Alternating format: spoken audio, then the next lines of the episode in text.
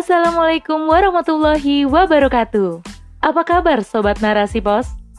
Kembali lagi bersama saya Giriani di podcast Narasi Pos. Narasipos.com Cerdas dalam literasi media, bijak menangkap peristiwa kunci. Rubrik Opini. Hari Santri dan Kapitalisasi oleh Aina Syahidah.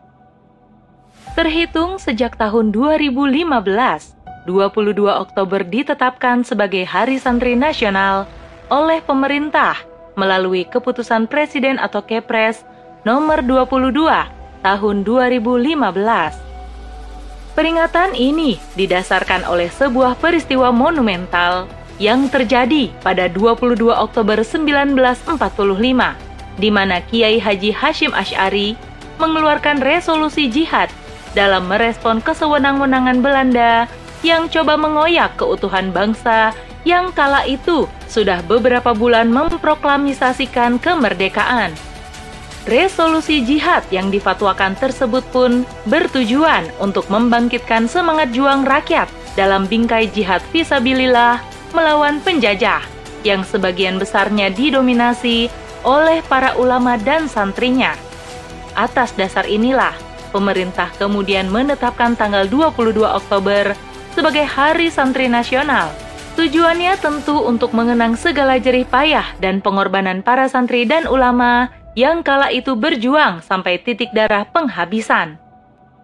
Tahun ini adalah tahun ke-6 Hari Santri kembali diperingati, dan peringatan tahun ini bertepatan dengan peluncuran logo baru Masyarakat Ekonomi Syariah atau MES Itulah mengapa dalam momentum peringatan tahun ini syarat dengan nilai-nilai ekonomi. Harapannya agar santri dapat berpartisipasi dalam program pengembangan ekonomi syariah ini.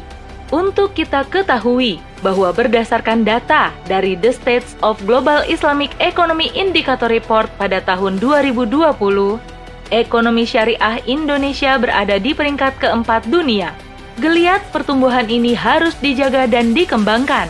Itulah mengapa Presiden Republik Indonesia Joko Widodo menekankan sinergi yang baik antar masyarakat ekonomi syariah ini. Sebagaimana kita ketahui pula bahwa salah satu komponen MES termaksud di dalamnya adalah pesantren, ulama, dan santrinya. Maka tak heran bila mereka pun digenjot dan diarahkan untuk menjadi lokomotif pengembangan ekonomi syariah serta melahirkan banyak kewirausahaan, terutama dari kalangan para santri. Senada dengan itu, Menteri Desa Pembangunan Daerah Tertinggal dan Transmigrasi atau Mendes PDTT, Abdul Halim Iskandar, pihaknya juga mengatakan bahwa pesantren memiliki peran besar dalam menggerakkan ekonomi desa. Pesantren di Indonesia memiliki lahan sebagai lokasi pertanian dan kolam sebagai tempat pembudidayaan ikan di samping itu, pesantren juga kerap menjadi pasar bagi masyarakat sekitar. Itulah mengapa mantan Ketua DPRD Jawa Timur ini mengatakan bahwa pesantren dan santri memiliki peran dalam hal pembangunan SDM yang mumpuni, penunjang dinamika kelembagaan desa, dan yang terakhir, mampu menggerakkan ekonomi desa. Menyikapi dua hal di atas, jelaslah sudah bahwa pemaknaan Hari Santri, khususnya Bila kita kembalikan kepada peristiwa aslinya pada 76 tahun silam, sungguh telah mengalami pergeseran. Jika pada 22 Oktober 1945 silam, para santri menjadi lokomotif perjuangan umat melawan segala praktik tindak kezoliman.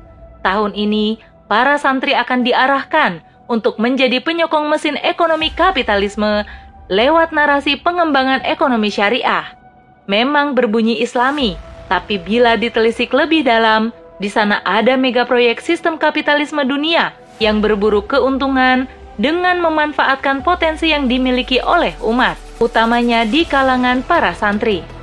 Pun kalau bukan karena hitung-hitungan ekonomi, mana mau kapitalisme menggandeng sesuatu yang berbau agama dalam praktik kehidupan? Bukankah ia dasarnya sekuler? Inilah dualisme wajah sistem kapitalis sekuler. Di satu sisi, propaganda teroris dan ekstremis di kalangan santri dan ulama digaungkan. Di sisi lain, ia berburu keuntungan ekonomi darinya. Sebagaimana diketahui, Indonesia adalah negeri Muslim terbesar. Geliat kesadaran umat akan agama mereka juga semakin meninggi. Istilah syariah dalam muamalah pun banyak dicari dan diminati. Itulah mengapa sistem ini menghadirkan solusi alternatif bagi rakyat dengan label syariah. Walau sebenarnya dalam praktiknya, kemurnian muamalah ini apakah sudah betul-betul related dengan hukum Islam atau tidak? Perlu dikaji lebih dalam lagi dengan timbangan dalil yang sohih tentunya. Karena pada faktanya, meski telah berlabel syariah, tetapi tidak semua penunjang hukum syariat di dalamnya diterapkan. Namun, terlepas dari itu, geliat ini adalah isyarat bahwa umat mulai menunjukkan keberpihakannya kepada syariat. Sayangnya, karena umat ini masih berada di bawah payung sistem ekonomi kapitalisme, maka kebijakan sistem ekonomi syariah yang tegak di atasnya pun sesuai dengan nafas dan ruh kapitalisme yang jauh dari spirit keumatan ataupun kemaslahatan. Mengapa? Karena kapitalisme tak pernah punya niatan untuk menyejahterakan seluruh rakyat tanpa terkecuali. Begitu pula dengan santri, tentu karena ada faktor ekonomi di sana. Sistem kapitalisme yang sekuler tentu tak mau berjalan beriringan dengan sesuatu yang sifatnya ilahiyah, karena asas ideologinya dibangun atas paham pemisahan agama dari kehidupan.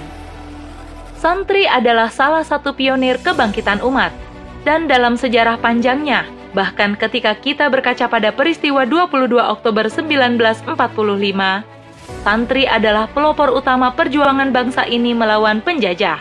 Ya, santri mempunyai peran dalam menumpas kezoliman, sebab hari ini negeri kita belum sepenuhnya menjalankan amanat kemerdekaan yang hakiki, yakni lepas dari kendali dan penghambaan kepada manusia secara totalitas.